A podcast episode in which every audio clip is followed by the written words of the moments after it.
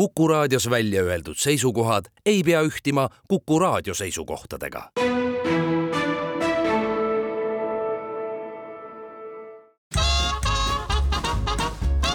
jäljed gloobusel.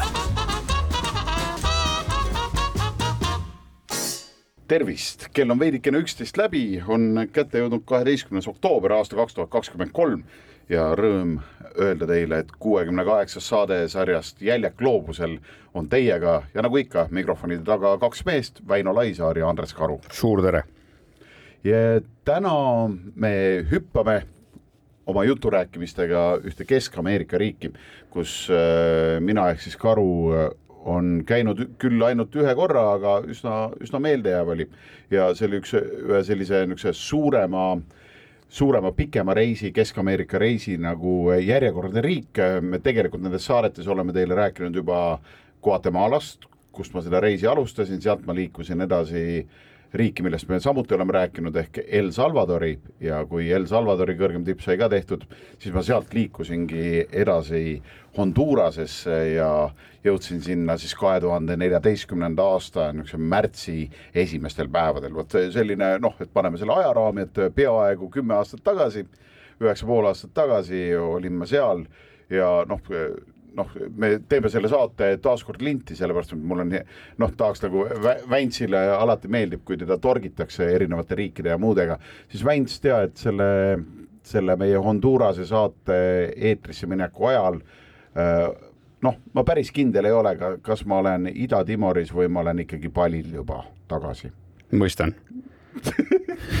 mina napis sõnast. ma, ma mõtlen midagi välja sulle järgmiseks korraks väga hea, aga Hondurase kohta, nagu ikka, Väints on äh, välja otsinud ka mõned faktid, nii et me katsume manada selle Kesk-Ameerika riigi teile natukene rohkem silme ette. ja hakkame näiteks sellest pihta, et äh, Honduras kui selline tähendab üldse hispaania keeles süvikuid. Ja, ja need süvikud ei ole lihtsalt mingid lambist võetud süvikud, vaid tegelikult äh, selle piirkonna lähedal asuvad hiigelsuured praod sellised suured süvikud mere ääres ja sellest on siis ka äh, toonane nimi, nimepanek saanud äh, alguse aga see on siis ju, ta ju, Honduras on päris lahmakas, ta, ta isegi ulatub ju mõlemale poole, nii et Hondurasel on päris pikk rannajoon, vist on seal Kariibi mere poolel, aga tegelikult peaks ta teiselt poolt ju ka Vaiksesse ookeani otsa. absoluutselt ja. kui sa ütled, et rannajoon peaks olema pirakas, siis näiteks suurus on tal sada kaksteist tuhat üheksasada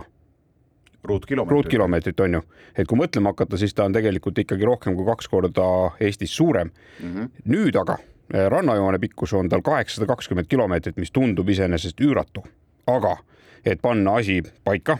ikkagi meie kasuks, siis näiteks eh, Mandri-Eesti merepiir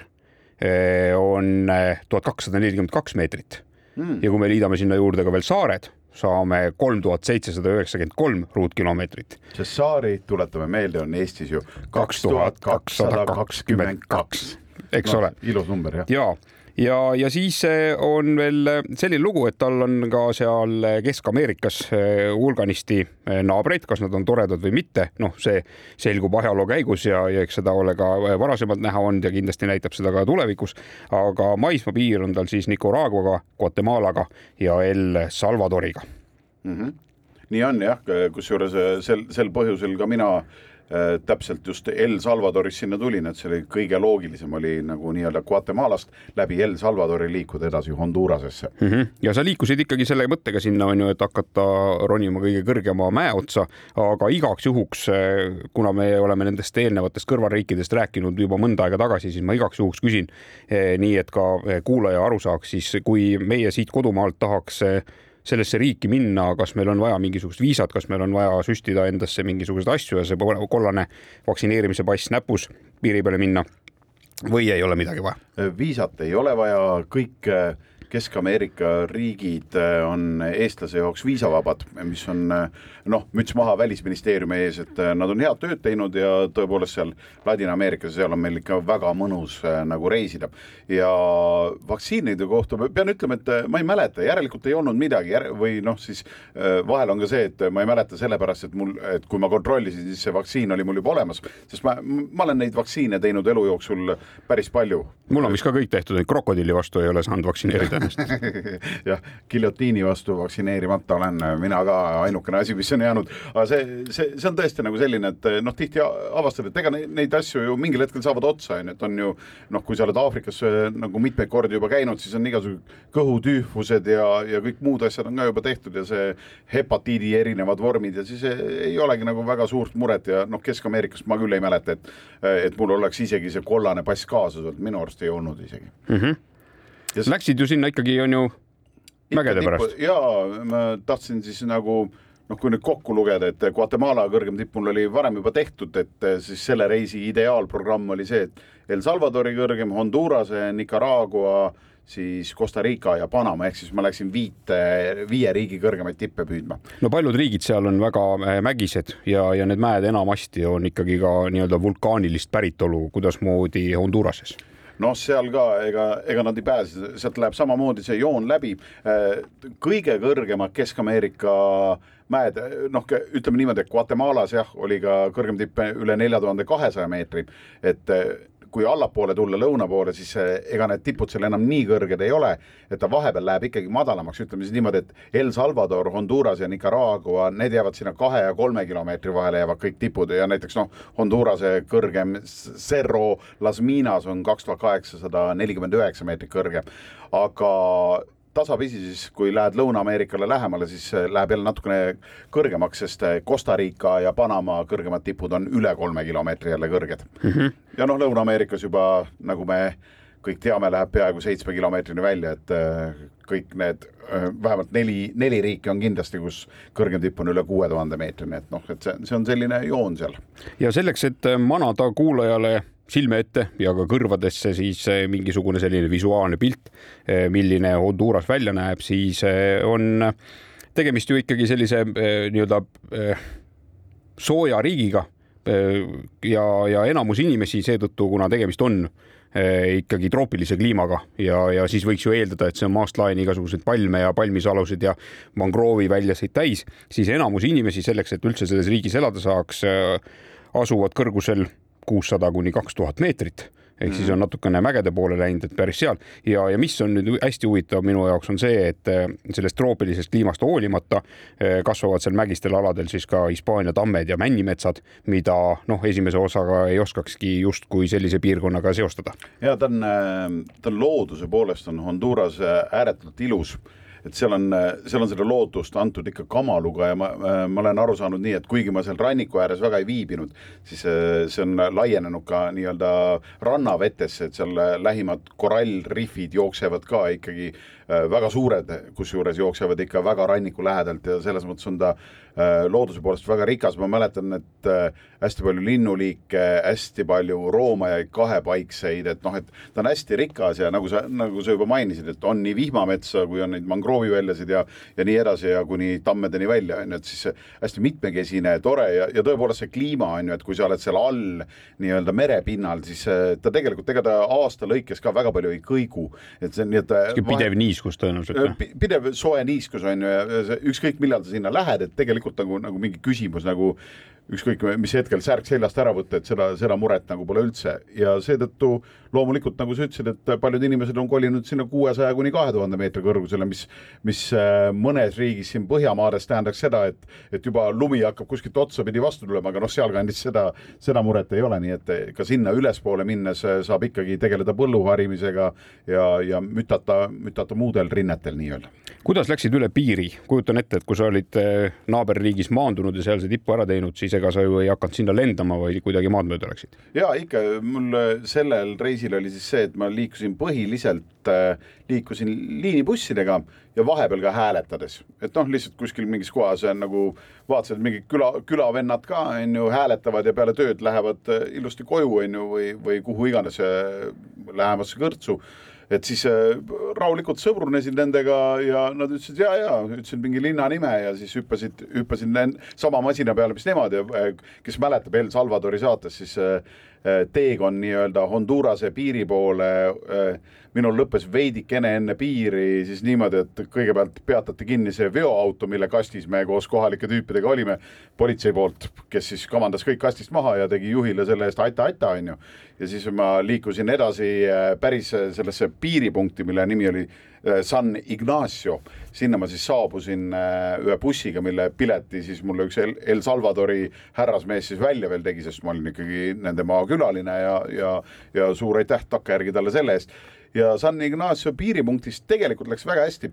kusjuures ma, ma võin nagu äh, äh, eksida, see ei pruukinud olla Honduras, mul millegipärast on jäänud meelde, et see oli Honduras, et kunagi nagu oluliselt varem minust äh, veel kahe tuhandendatel käisid kaks minu sõpra ja üks ka neist on mu matkakaaslane olnud, Sigrid ja Helgur käisid äh, siis ka sellisel Kesk-Ameerika ja Põhja-Ameerika reisil ja nemad eh, siis, mina mäletan, et see oli Hondurase piiril, aga noh, võin eksida, äkki oli El Salvador, äkki oli mõni teine neist. et neil tekkis siis see, tore asi, et äh, piirivalvur, kui kuulis, et nad on Eestist ja vaatas nende passe, siis ta nagu hakkas lihtsalt südamest naerma ja ütles, et kuule, et kui te tahate nagu mingit nagu jura meile ajada, et öelge siis vähemalt või tehke siis pass vähemalt selle riigi kohta, mis olemas on, on ju, et ärge hakake välja mõtlema siin mingeid riike, on ju, Estonia, come on, ja siis lõpuks puhus õhupalli täis ja siis õhupall oli nagu gloobus ja sealt pealt siis vaatas, aa ongi, siis talle näidati, et on olemas. minul piirdus sellega, et Hondurase piirivalvur vaatas ka Estonia, Estonia ja siis lihtsalt rullis lahti suure maakaardi ja siis näita, kus on Estonia, näitasin ja nii ma riiki sisse saingi. jäljed gloobusel nõnna, kuulaja, oleme pausilt tagasi ja Karu ja Vänts on stuudios ja sellel korral teeme jälgi Hondurasesse. Või noh, kui aus olla, siis tegelikult teeb Karu oma jälgi Hondurasesse, sest mina paraku ei ole sinna põnevasse riiki veel sattunud ja eelmise ploki lõpus me saime vaikselt piirile või isegi natukene üle piiri, aga sellest jõuame veel rääkida. aga selleks, et laiendada nii enda eh, visuaalset pilti kui ka kuulajate visuaalset pilti, ma tahaks natukene küsida ja uurida inimeste kohta. et kui ma oma peas lihtsalt seal kartoteegis niimoodi huupi eh, lappan, siis eh, mingil põhjusel kerkivad silme ette kohalikud inimesed, kes on kõik rahvariietes, noh, võib-olla nagu ketšuad, kellega ma olen Peruus Andides kokku puutunud mm. -hmm. võib-olla siis on ka noh, meie maal siit eh, Kihnu rahvas, kes ikkagi rahvariidest lugu peab ja, ja kindlasti mingisugune kild ka setudest või on nad siis sellised traditsioonilised tänapäeva inimesed, kellel kõigil on Ronaldo särgid seljas ja, ja plätud jalas nüüd üks noh, hästi halb sa saatejuht oleks see, kes vastab selle peale ei üht ega teist jah, jah, aga tegelikult on tegelikult see pilt, mis sa nagu manada üritasid selle, üks asi läks kohe pihta, on see, et mis natukene selle, selle kandi indiaanlase värki toob nagu sisse, on juba kasvõi nende pikkus. et seesama, et kui sa oled nagu mina, meeter seitsmekümne seitsme sentimeetri pikkune Eesti mees, kes Eestis vaatab enamikele inimestele alt üles siis eh, seal loomulikult sa vaatad eh, peaaegu kõigile ülevalt alla. et nad on keskmisest oluliselt lühemad, eks nad ongi sellised äh, nii-öelda hispaan, hispaanlaste järeltulijate ja kohalike indiaanlaste niisugune segu mõnes kohas on see segu muidugi ühele või teisele poole väga kaldu, on ju, ja mõnes kohas on väga rohkem nagu läbi segunenud, aga kannavad nad tõesti pigem ikkagi seda noh, Ronaldo noh, jalgpallisärki kui kui, kui kohaliku rahvarõivast, aga jällegi, kui sa satud väikesesse külla või kuhugi, siis sa võid näha, näha nagu super, super kihvte nagu kohalikke rahvarõivaid ka. aga üldiselt eh, jah, sellised indiaani näojooned, mina ka tõmbaksin, et noh, see Peruu paralleel, mis sa tõid, ei ole üldse selles mõttes paha, et eh, mul viskas ette nagu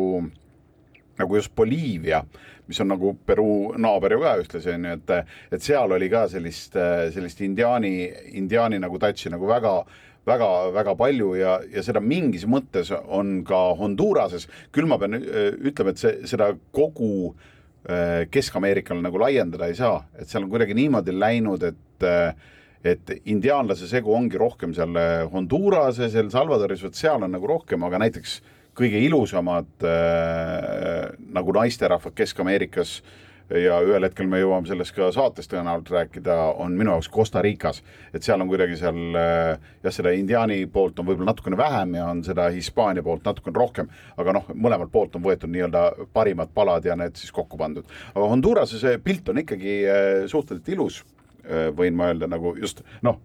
nii naiste kui meeste koha pealt. niisugune nagu samba või? niisugune nagu kisub nagu sambaks jah, aga jah, mõnes kohas natuke vähem, mõnes kohas natukene rohkem ja nad äh, toimetavad seal nagu mõnusalt. Honduras jällegi noh, kui sa El Salvadorist tuled, siis loomulikult enne piiri täpselt samamoodi nagu ma ei tea, Guatemalast El Salvadori poole liikudes oli mind hoiatatud, ei ära sa sinna küll mine, kohe löövad maha ja ja noh, siis samamoodi El Salvadori inimestega nagu äh, räägid juttu, et lähed Hondurasesse üksi loll oled või, kohe löövad maha, on ju, et noh, mis sa jamad, et meil on vanglad on ainult Hondurase tüüpe täis ongi, on ju. et täpselt needsamad jutud hakkavad, jõuad üle juba, keegi on tore, noh tuleb sulle, aitab tühja koha pealt, kuigi tal on tegelikult palju vähem raha kui sul Äh, juba leitakse sulle kõik, mis sa vajad, isegi äh, kui nad ei räägi absoluutselt sõnagi inglise keelt ja, ja sina räägid kolmkümmend sõna on ju hispaania keelt, nii et aidatakse, kõik on väga tore ja, ja sellised äh, toredad inimesed igal juhul minu, minu mäletamist mööda elavad Honduras'es. no ürikutes on kirjas, et riigikeel on hispaania keel, aga need rannikuäärsed inimesed peaksid siis rääkima ka kreooli pärast inglise keelt. aga sina iseenesest ju inglise keelega said seal kuidagimoodi hakkama või, või nii-öelda olidki oma selles kolmekümnes hispaaniakeelses sõnas kirja või nii-öelda kinni ja, ja näitasid pigem telefonis pilte, et tahad süüa ja tahad kuskil magada. aa ei, seal ma ei tea, see, see kunagi ei ole nagu probleem olnud, et nagu noh, et mingeid vajalikke asju nagu ei saa, sest sest äh, ühed asjad, mis on ju universaalsed, on näiteks mingid kohanimed ja niisugused asjad, et noh, et pigem see, et mida sul on vaja küsida, on ikkagi see, et kust ma saan nagu noh, buss sinna kohta läheb, kus kohas mm, -hmm. ja see, see ükskõik, mis keelt sa räägid, nagu põhimõtteliselt on võimalik sellest ikkagi aru saada. et, et selle, selle kartuse taha ei ole mõtet pidama jääda, et ma nüüd sellepärast Hondurasesse ei hakka minema, et äkki ma ei oska piisavalt hispaania keelt. ei ole probleemi üldse, kusjuures veel selle indiaani teema juurde tagasi tulla, et seal on jah, et mul on meeles, et seal on üks selline, ma ei sattunud küll sinna linna, kuid ma läksin tast üsna lähedalt mööda, et eh, Guatemala piiri lähedal seal üleval, noh siis ütleme noh, loode või peaaegu põhja on ju Honduras'es on ka selline noh, hääldusega võin natuke puusse panna, aga Copan, selline linn, mis kunagi oli siis majade pealinn üldse, ehk siis eh, tõepoolest sealkandis on nagu majasid just eriti eh, rikkalikult olnud nagu iidsetel aegadel. aga jah, et kui ma kui ma Hondurasesse kohale jõudsin, piiri ära ületasin, siis minu suund oli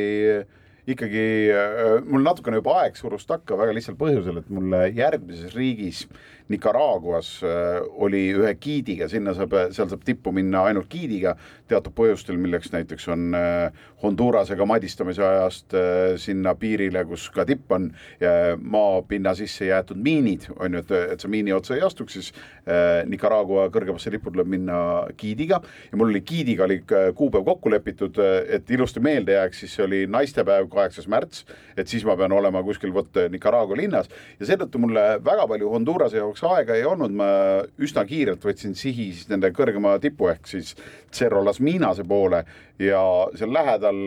ma kõigepealt ma mäletan, et ma ööbisin ühes linnas, jälle hääldus on nagu ta on, Ocopeteque ütleks ma. Ja, ja sealt liikusin edasi linna, mille nimi oli palju lihtsam nagu aitäh, Grazias, et Graziase linna ja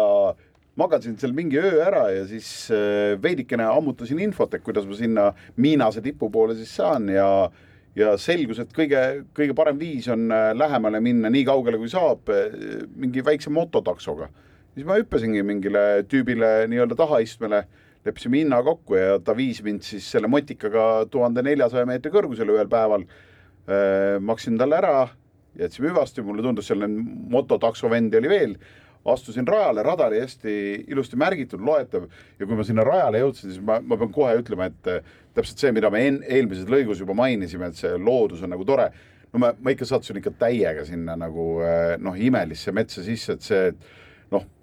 võrratu eh, noh, vaheldusrikas niisugune erinevaid taimi, millest mul pole õrna aimugi, et mu ema võiks neist noh, tõenäoliselt paneb pildi kokku, et mis on mis enam-vähem ja et mis liigi alla kuulub minul õrna aimugi ei ole, et äh, mis seal kasvasid, aga need kihvtid ja kuidas nad nagu kasutavad kogu selle ruumi, mis seal on ära ja kuidas valguse poole pürgitakse vahendeid valimata, et see, see kõik oli nagu väga uhke, kõndisin, see rada läks kuidagi ka nõnda mõnusalt, et mul oli suur seljakott seljas, kogu tavaar, mis mul kaasas oli, oli suure seljakotiga seljas, nii et noh, ma arvan, et seal oli niisuguse kahekümne viie kilo kandis umbes see kott võis olla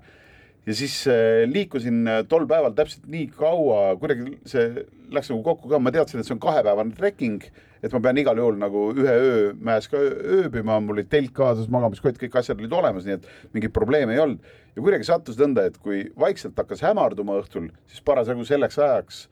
äh, ma jõudsin siis ka ainsasse laagripaika, mis selle raja peal oli, niisugused mingid lobutikud natukene lagunenud äh,, noh, põhimõtteliselt ikkagi noh, saad ka mingi lavatsi peal oleks saanud seal nii-öelda magada, aga mina kuidagi ikkagi, kui on midagi, mida ma pelgan, siis natuke neid roomajaid ma, kuna ma ei tea neist eda, eriti midagi ja noh, vaata. milline süüa kõlbab? nojah, just ja nende puhul on ju see ka, et hästi palju oled kuulnud, et noh, et kõige hullemad on need pisikesed värdjakesed on ju, et need on ju, et see hammustab, on ju, et siis, siis noh, ei jõua hüvastijätu videotki teha, on ju, enne seda on juba. kuule, aga ma hüppan korra tagasi natukene argisema teema juurde, sa ütlesid, et leppisid kokku, palju sa mototakso mehele maksad, missugune raha seal kasutuses on ja kas seda saab vahetada nii, et lähed üle piiri või on, ütleme Kesk-Ameerikas olles ise mitte seal käinud, selles mõttes võin rahulikult panna puusse. aga, aga võib-olla selline ühine raha näiteks nagu Lõuna või ühesõnaga Lääne-Aafrikas. ei nad ikkagi kõigil on äh, oma raha üldiselt olemas ja Lempira äh, on äh, siis selle Hondurase rahaühiku nimi, aga seal äh, nagu kõikides Kesk-Ameerika riikides neile hullult ikkagi dollar meeldib ka ja, ja kui muidu näiteks Aafrikasse minnes äh, noh, ei väsi kordamas, kui Aafrikasse lähete ja võtate kaasa dollareid, millest nemad saavad ikkagi ka rohkem aru kui eurodest näiteks, siis äh, Aafrikasse võta kaasa viiekümne ja saja euroseid ja võimalikult uusi sest mida vanem on selle, seda kehvem on kurss vahetamisel ja mida väiksem, juba kahekümne dollarini on väga väike, seda vahetades tehakse seda sulle ka kehvema kursiga, siis Kesk-Ameerikas neile just, kuna seal hinnad on ikkagi väga soodsad eestlasele, siis eh, sinna minnes tasub ikkagi kaasa võtta ka peenraha, sest vahel on nagu see, et kui seda kahekümnesega kellegi kollitama minna, siis neil või noh, rääkimata viiekümnesest või sajasest, siis neil lihtsalt ei ole tagasi anda, aga toimib ka sedapidi, et noh, annad noh, stiilis kahekümne dollarilise asja eest, mis maksis kuus dollarit ja sulle siis antakse lihtsalt nende seal lempiirades antakse tagasi, et see, see toimib ka suurepäraselt. me oleme mõne hetke pärast teie kõrvades jälle tagasi. jäljed gloobusel hää kuulaja, paus on jälle läbi, Karu ja Vents on stuudios ja karujäljed on Honduras'es ja jäime eelmine kord pidama sealmaal, et äh, koledat äh, usse täis metsas oli vaja magama jääda. nojah, ma jõudsin jah sinna laagripaika, see laagripaik iseenesest siis Hondurase kõrgema tipu imelistel nõlvadel on siis niisuguse tuhande üheksasaja neljakümne meetri kõrgusel ja kui ma enne rääkisin jah, tõepoolest, et noh, et roomaid natukene pelgan, siis see, see, see ei ole mingi nagu pime hirm, sest ma olin ikkagi enne natukene piilunud, et mis seal üldse toimub. Ja, ja noh, kõik need andmed, mis ma olin nagu saanud, need said nagu kinnitust seal laagripaigal sest ma, ma olin täiesti üksinda, mitte kedagi teist ma seal minnes ei tulnud kedagi vastu, ei läinud äh, keegi minust mööda, onju. noh, lihtsalt suure kotiga liikudes tempo on ju niisugune mõõdukas, onju. aga keegi mööda ei läinud, keegi ülevalt enam vastu ei tulnud. ja siis oledki nagu täiesti üksi ja see on ikka noh, Eesti metsaga ei anna võrrelda ikkagi seda häälte nagu plejaadi, mis seal tuleb noh, Honduras'is on umbes mingi seitsesada erinevat linnuliiki. Mäletan oma kogemusest äh, Peruu Amazonase metsas oli, kus äh, kui meil jääb öösel rahulikuks ainult siil võib-olla nohistab kuskil põõsas, siis seda- seal mingil põhjusel äh, tulid kõik öösel välja ja hakkasid karjuma üksteise peale. ja, ja täpselt nii ongi, üks asi on need linnud nagu, nendest saad nagu aru, siis läheb, on ju puude otsas läheb kõvemaks ragistamiseks, siis mingid ahvid ajavad seal üksteist taga ja teevad mingeid oma asju ja räägivad oma, räägivad on ju igatahes kogu aeg käivad mingid sellised hääled on ju taustaks. Ja, ja, ja siis on mingid erinevad sahinad no ma panin telgi püsti, no sest telk, ta on küll õhuke, aga sa oled siiski nagu kaitstud ja kui lukk on ilusti kinni tõmmatud, siis noh, mingi väiksem nagu mürgine putukas võib nagu sisse saada. jah, sest aga... maol ju käsi pole. no just, et jah, või nad ei ole lihtsalt nii andekad, ütleme niimoodi ja, ja siis tundub nagu vähemalt niisuguste jah, roomajate vastu tundub nagu äh, telgis niisugune kaitstum tunne on ju, noh iseasi on see, et kui öösel tekib vajadus välja minna, et siis, siis on siis on natukene on selline mm, noh, ja no aga seal on ka mingid omad niisugused reeglid, et vaata ikka rahulikult on ju pealamp suuna jalanõule, enne kui sa jala sinna sisse lükkad. tõmbad unise peaga mingi kon- konna jalga ette. jah, et noh, koputa ikkagi oma noh, saapad või muud jalanõud äh, tühjaks, kui nad olid väljapool. aga mina tavaliselt sellises olukorras võtan ka kogu varustuse, kaasa arvatud ka seljakoti võtan endaga telki, lihtsalt sellepärast, et keegi ei poeks sealt jälle kuhugi vahele, on ju, ja ootamatult mingi pärast seda, kui tund aega oled see kott seljas oled edasi läinud, et siis kuskilt tuleb mingi nõel nõnda, aia, on ju, et seda vältida, siis noh, pigem võtad kõik asjad telki, aga noh, see, see oli tõesti nagu sahinad, mis maas käisid, need olid ka nagu sellised. Ja kui sa siis tead sellele lisaks, et seal on mingi kakssada viiskümmend liiki erinevaid roomajaid ja kahepaikseid, et noh, ma ei tea, piisab ju paarist on ju nagu juba, et need teevad korralikku müra, aga noh, seal oli ikka neid tohutult palju ja siin lisandusid veel mingil hetkel nagu olin telgis, panin pealambi nagu kinni, et hakkan nagu vaikselt silma looja panema, noh, kui see lindude karjumine lubab muidugi. ja siis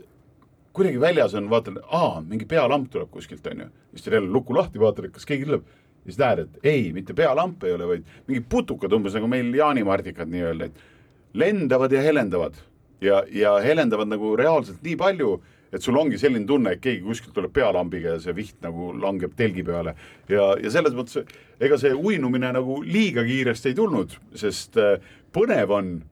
noh, ja natukene hirmus on ka ikka üksinda oled kuskil džunglis on ju, ei ole, ei olnud nagu liiga palju kogemusi aastal kaks tuhat neliteist niisuguste erinevate häältega. noh, aga sulle, sulle ei pea seda seletama, sest sa oled sarnastes olukordades ju olnud, on ju. on tulnud tuttav ette ja, ja tegelikult kui keegi tahab saada ka mingit visuaalset pilti, mis džunglites eh, toimub, siis praegu hakkas jooksma eh, uus eh, telesari või uus hooaeg, liblikapüüdjad Eh, Lõuna-Ameerikas minu meelest, kui nad kuskil seal olid, siis seda tasub vaadata, see annab väga visuaalse pildi ette sellest, mis nendes džunglites öösel tegelikult toimub. et kui sa mhm. paned lina üles ja valguse sinna peale, siis äh, igasugu elukaid tuleb sealt metsast välja ja ja aga öö läks mul selles mõttes rahulikult, et eks ma ärkasin seal mitmeid kordi mingite ja põhiliselt ärkad nagu noh, pigem niisugust nagu seda kerget nagu hirmu tekitavad need hääled, millest sa ei saa ikka absoluutselt aru, mis hääled need on. Et.... enamasti on see konn, ma olen tähele pannud. Jah, aga noh, kuna neid on jälle nagu mitusada liiki on ju, või noh, sadakond liiki vähemalt, et siis, siis ongi, et milline neist on ju, et ei tea ja, ja kui suur ja mis värvi on ju. aga igatahes äh, vapralt pidasin vastu hommikuni, olin täitsa elus ja terve ja keegi ei olnud telki lisaks tulnud, nii et ma kuskil seitsme paiku ajasin kargu alla siis äh, mõtlesin, et noh, kogu varustust ei ole mõtet päris üles tassida, nii et ma äh, pakkisin väiksesse seljakotti äh, tippu vajaminevad asjad nagu ära ja peitsin siis suure seljakoti sinna lähedal asuvasse kuhugi, noh, panin ära, lootsin, et pärast no,, et liiga palju kilosid, mingeid loomi ei ole juurde sinna tulnud ja seitse kolmkümmend ma mäletan, et äh, hakkasin just nagu minema ja siis äh, nägin esimesi inimesi mäe pealt, alt tulid jooksuga kaks ameeriklast hmm., kellega üritasin nagu nõnda, tšau, noh, reaalselt tulid joostes üles mööda rada. ja siis väiksed seljakotid seljas, siis ma nagu üritasin nendega natukene kon-, conversation'it nagu arendada ja veidi juttu vesta ja nad eriti üldse ei tahtnud, oli see jah, no ei, me jah, tippu lähme jah, just, ja siis jooksid edasi. Just okei. Okay Äh, hakkasin ka vaikselt minema, võtsin äh, kepid kätte, väike seljakott selga ja liikusin ja noh, tempo oli üsna hea, nii et äh, kuigi nemad läksid jooksuga ja mina läksin ikkagi kõndides, siis see üheksasada üheksa meetrit, mis veel tipuni oli minna, ma jõudsin, ma olin tipust umbes poole tunni kaugusel kui need ameeriklased ülevalt mulle vastu tulid, nii et see väga pikalt on mul ees ära ei läinud ja siis alla tulles nad nii palju siis jõudsid veel öelda, et ja et ülevalpool veel kaks Kanada, et üks tüdruk, üks poiss on ju, on ülevalpool on ju veel, et et nendega sa kohtud tõenäoliselt, kui edasi lähed ja astusingi viimased meetrid ära ja jõudsin tippu. mis ma öelda oskan, Kanada omad just hakkasid laskuma. tervitasin neid, ajasime paar sõna juttu ja siis äh, siis eh, nemad ütlesid, et nad eh, põhimõtteliselt on samasse kohta teel, kus mina on ju sellesse samasse Graziase linna lähevad ööseks ööbima ja siis ma ütlesin, et kui ma teile järgi jõuan, et siis kui teil midagi selle vastu pole, et share ime transporti, et jagame transporti ja sõidame koos sinna linna, et siis on kõigile nagu soodsam. Nad olid sellega nõus ja ütlesid, et püüa meid siit lihtsalt kinni, et me lähme omas tempos ja ja seal üleval mingit erilist vaadet ei olnud väga lihtsal põhjusel, et eh, puud olid ümberringi, olid mõned pingid, et sai puhata kellegi teist pärast Kanada tüüpide lahkumist seal ei olnud, üksinda olin. ja siis seal oli niisugune keskmisest natukene suurem Hondurase lipp oli siis ka. Äh, kusjuures jah, lipud on ju seal, see on täitsa omaette teema muidugi, et vaata millegipärast see noh, võib ka Lõuna-Ameerikast Argentiina lipu võtta, aga Kesk-Ameerikas kuidagi neil on lippudega on fantaasia natukene nagu kinni jooksnud. see on umbes nagu Balkanil, kõik on enam-vähem Vene lipuvärvides, aga lihtsalt erinevat pidi ja, ja vapid peal. või no isegi noh, meie hiljaaegsetest saadetest on ju see, et kõige suurem segadus on vähe sellest, et nimed on Slovakkia ja Sloveenia on ju siis lipuvärvide triibud on täpselt samamoodi ja mõlemal noh, ühel natuke teises kohas vapp ja teisel natuke teises kohas on ju, et siis katsu, katsu siis ära tunda, kui lehvib, on ju. aga Kesk-Ameerikas on see mingis suhtes, et noh, Argentiina lippu enamus teavad, on ju, tänu äh, kuulsale jalgpallile ja kuulsatele jalgpalluritele. ehk siis ta on ju triibud nõnda, et helesinine, valge, helesinine ja keskel on siis see päike, on ju, on äh, Argentiina lipul, siis Kesk-Ameerikas äh, põhimõtteliselt on samamoodi, et äh, sinine, valge, sinine, aga need sinised on natukene tumedamad. ja tegelikult on kolm riiki, millel on praktiliselt need triibud on täpselt samasugused, need on siis El Salvador, Honduras ja Nicaragua ja siis neil väiksed erinevused on, Hondurase oma on siis see, et nende lipu keskel, selle valge osa peal, täitsa keskel on siis viis viisnurka. Et vot selle, selle, selle lipu taustal siis ma tegin seal pildi, ma tean, et äh, vist äh, äkki Nicaragua omal oli mingi kolmnurk ja mingid sõnad seal ümber ja siis äh, noh, sinivalge sinine on üldse ju läbiv motiiv, Guatemala lipp on ka, neil on lihtsalt need ülevalt alla triibud niisugused laiad on helesinine, valge, helesinine ja keskel vapp on ju. et seal nende lippudega võib olla ikka üsna, üsna segane värk ja ega sellel El Salvadori, neil on ka mingi vapp on keskel ja mingi kiri on ümber jälle, nii et noh, kui kõrvuti lehvivad, siis on ikka väga raske aru saada, aga, aga see, see on mul meeles, et Hondurase oma on siis see, kus on keskel viis, viis nurka. Vot ja selle lipu juures tegin pildid, siis äh, keerasin nina allapoole ja pärast mingi paarikümmend minutit laskumist äh, sain kätte äh, Kanada tüübid, on ju, Emma ja Patrick olid nende nimed. Ja siis ajasime juttu, kusjuures jälle pean kordama üle juba varasemates saadetes läbi käinud mõtte, et, et kui on mingeid tüüpe, kelle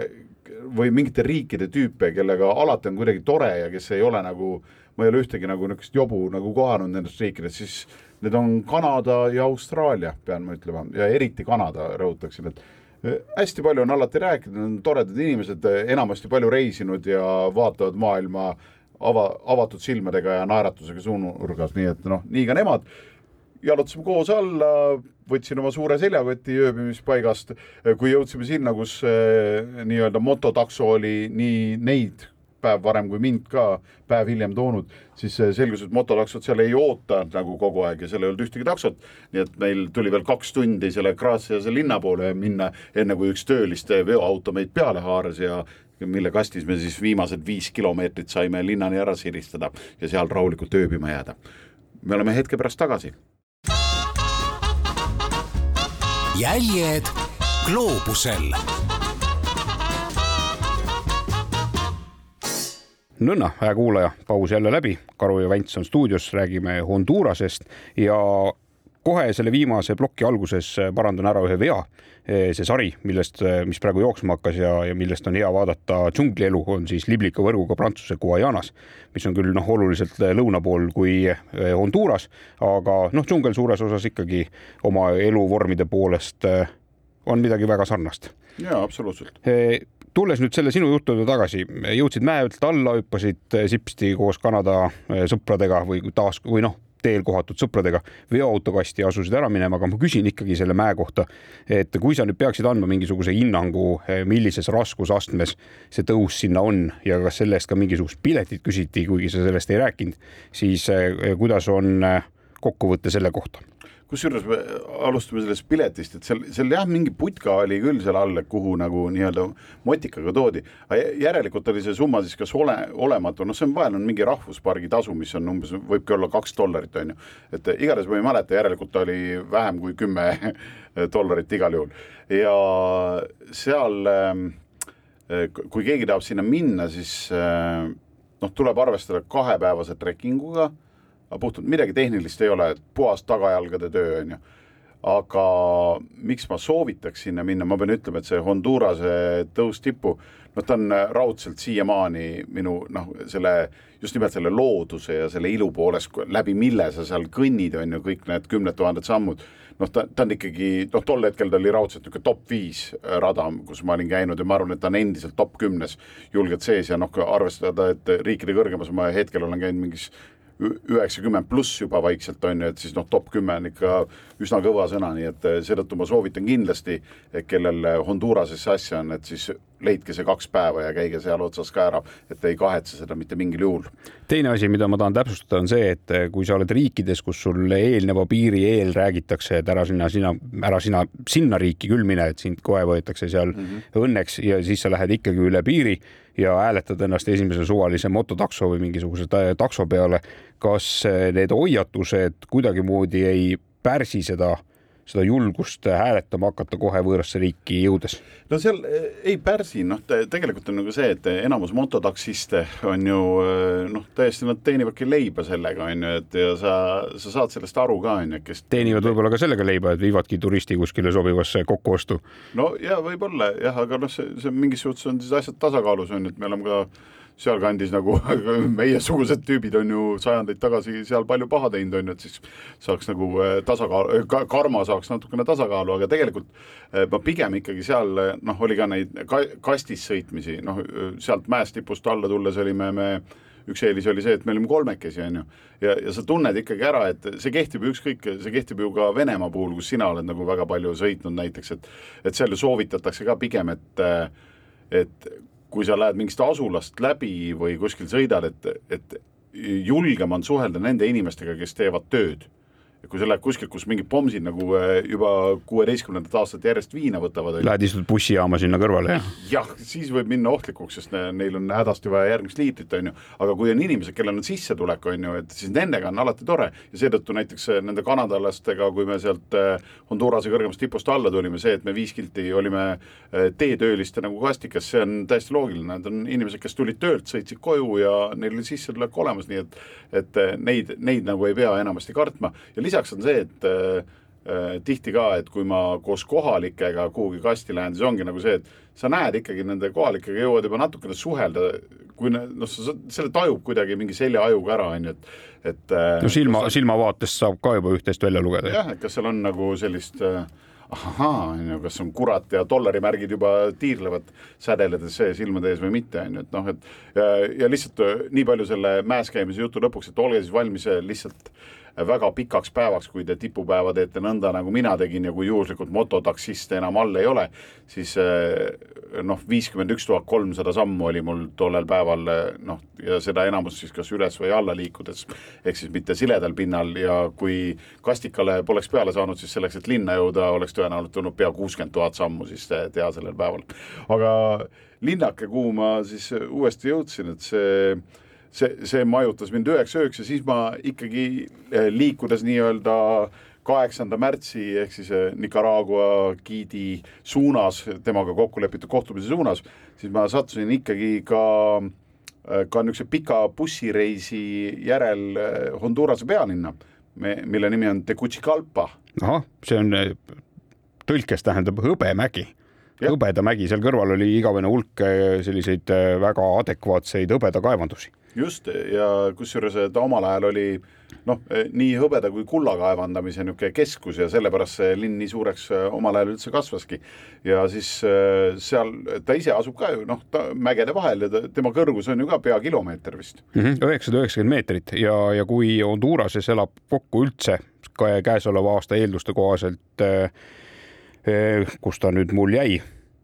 kadus ära. no pole hullu igatahes noh, ta on, ta on tohutult suur linn ja tõesti väga suur hulk inimesi elab, elab seal pealinnas. üheksa pool miljonit on ju, on Honduras'es kokku Just. ja, ja sellest siis üks koma kolm miljonit elab seal pealinnas, põhimõtteliselt selline Eesti täis äh, rahvast on, on koondunud sinna kilomeetri kõrgusele pealinna. ja, ja sealt läheb üks, ma mäletan, et mis mulle väga meeldis, et sealt läheb ka üks jõgi ilus läbi ja, ja mitte väike üldse äh,. noh, andke mulle hääldus jälle andeks, aga Tšoluteka jõgi või Koluteka, Tšoluteka jõgi läheb sealt läbi. Äh, ma, äh, ma kuidagi sattusin nõnda, et seal pealinnas ma siis äh, leidsin endale öömaja, tõenäoliselt oli mingi, mingi hinnateema seal ka, et otsisin siiski suht soodsat ja mingit levinud kette ei hakanud mitte piilumagi ja noh, see mulle meeldib ka üldiselt, et lähed mingisse kohalikku kohta, aga seal ikka sattus ikka täielik nagu peldik. no korralik sara oli, ma ei tea, noh, noh, niisugune tunne oli, et noh, täiesti käepärastest vahenditest ikkagi tehtud, et noh, vahepeal on ju mudast ja pikematest karbadest ja siis natukene oli pandud lauda vahele ja siis noh, banaanileht katuseks on ju. no ja aga kuidagi nad olid suutnud selle päris mingi kolmekordseks teha, selle hotelli. Ja siis seal oli nagu see jama ka, et ma nagu õhtusel ajal jõudsin nagu ikka tavaliselt nagu pikk bussireis hommikul vara algab, on ju, ja siis lõpuks jõuad sinna pealinna, siis on juba pime ja niisugune, et noh, mingeid tutvusi ka veel ei ole, sa ei tea, on ju, sa ei ole ringi saanud vaadata siis selle, see õhtu seal pealinnast ja Kutšikalpas oli siis selline nukker, sest ma isegi ei leidnud õlut. Ja ei leidnud ühtegi poodi, kust õlut osta. Ja, ja oligi, et noh, üksi lähed sinna oma hotellituppa, aga õnneks siis mingil hetkel, kui ma nagu äh, nina toast välja pistsin, siis äh, minu nii-öelda naabrimees, kes siis ka samas hotellis äh, oli, ma sain küll aru, et ta on seal juba nagu mingi nädalakene olnud, oli mingi niisugune pooldoktor, mingi ravimimüüja et natukene oli nagu noh, nii-öelda eh, lõpetamata meditsiiniline haridus. Ja siis oli ühel hetkel avastanud, et tegelikult on ikkagi hea käia kotitäie tablettidega ja mööda ja, ja kittel on tagataskus on ju igaks juhuks, et kui vaja, tõmban selga ja siis asjalikuma näoga eh, siis teha raha sellega, et müüb lihtsalt erinevaid ravimeid inimestele. ja siis eh, sõbrunesime, ta rääkis üsna talutavalt inglise keelt. Ja siis äh, siis sain aru, et äh, ta ravib äh, nii ennast kui teisi ka vahepeal sellega, et äh, tal on erinevaid rohtusid, mida ta keerab nagu paberi sisse, millele pannakse tuli otsa ja siis hingatakse neid sisse, sest siis hakkab lõõgastavaid inim, inimesel kõik haigused ununevad ära ja on tore ja naeratus tuleb suule. ja siis, kui me olime nagu naeratuse suule juba saanud mõnusalt endale, siis tuli tema sõber, kes, kes küsis mult muuhulgas, et kust ma pärit olen ja siis ma ütlesin, et Euroopast ja Eestist ja mille peale ta elavnes ja ütleb, Eestist või päriselt või? et kuule, aga Leedus on ju sellised asjad, et vot ja hakkas mingit Leedu juttu ajama. aga me doktoriga olime ju, olime juba nagu lõõgastunud ja siis meid hirmsasti mõlemaid ajas naerma ja siis me proovisime kordamööda talle seletada, et ei noh, nagu Eesti. ta oli ja, ja Eesti ja, ja just noh, ja, ja vaata Leedu pealinn on ju see Vilnius on ju ja hakkas jälle mingit Leedu jura ajama ja, ja see oli nii homeeriliselt naljakas, et me, me nagu lihtsalt noh, minu viimane mälestus nii-öelda Hondurasest ongi see õhtu seal pealinnas, kus me lihtsalt ohjeldamatult lõkerdasime nael, naerda, sellepärast et üks vend ei saa, ei teinud Eestil ja Leedul nagu mingit vahet. no see, mis paralleele võib tõmmata ka see, et kui oled kuskil noh, Venemaa avarustes ja siis keegi küsib, kus sa oled, siis ütled, et ma olen Eestist. või no siis äh, kohe hakatakse sulle rääkima, kuidas õepoeg omal ajal ju teenis Minskis. jah et see on nüüd täiesti sama koht ju, et mis sest, et Valgevene on ju. vot niimoodi ja, ja mis ma lõpetuseks äh, võin öelda, et äh, see Honduras läbimine oli küll kiire, aga mul kuidagi nagu äh, väga soojade tunnetega lahkusin sellest riigist ühel hetkel ja liikusin siis edasi Nicaraguasse ja eks me millalgi võtame ka selle järgmise riigi ette, sest Nicaragua, ma pean ütlema, oli minu selle Kesk-Ameerika tripi kõige lemmikum riik, nii et tasub seda kindlasti oodata ja eks ma suudan seda siis ühel hetkel põhjendada. Äh, täna rääkisime siis Hondurasest ma väga loodan, Väints, et sa jõuad kunagi ka sinna ja siis me saame teha Hondurase saate Vol kaks, kus siis sa räägid täitsa hoopis teise mätta otsast, et mida sina seal nägid. tahtsingi just öelda, et kuulan sind ja minus kasvab kirjeldamatu tung eh, teha oma jälgi ka Lõuna-Ameerikasse. noh, mul on üldse see osa natukene või Kesk-Ameerikasse ja, sest mul tegelikult on, ütleme seal mandri osas ükski jälg tegemata ja Lõuna-Ameerikasse olen jõudnud ainult Peruusse ja ülevalpool siis juba eh, on ju Mehhikosse ja, ja natukene jälgi ka eh, Kuuba peale, noh küll mitte vähe, aga neid on seal omajagu. aga see piirkond on täiesti käimata ja mind hirmsat moodi tõmbab sinna. aga eks siis räägime edasi, kui mind see tõmme on sinna viinud ja minu jäljed on sellesse sügavasse troopilisse mutta vajunud nende madude ja muude koledate usside keskel. ja kui äh, mõne pildi üles paneme, siis ega me neid mujale ei pane kui Facebookis Jäljak gloobusel lehel, nii et pange sinna väike jälgimise või meeldimise märk ja siis saate meie pildid kõik sealt ka üle vaadata. aitäh kõigile kuulamast ja nagu Väints ütleb, püsige avarad. jäljed gloobusel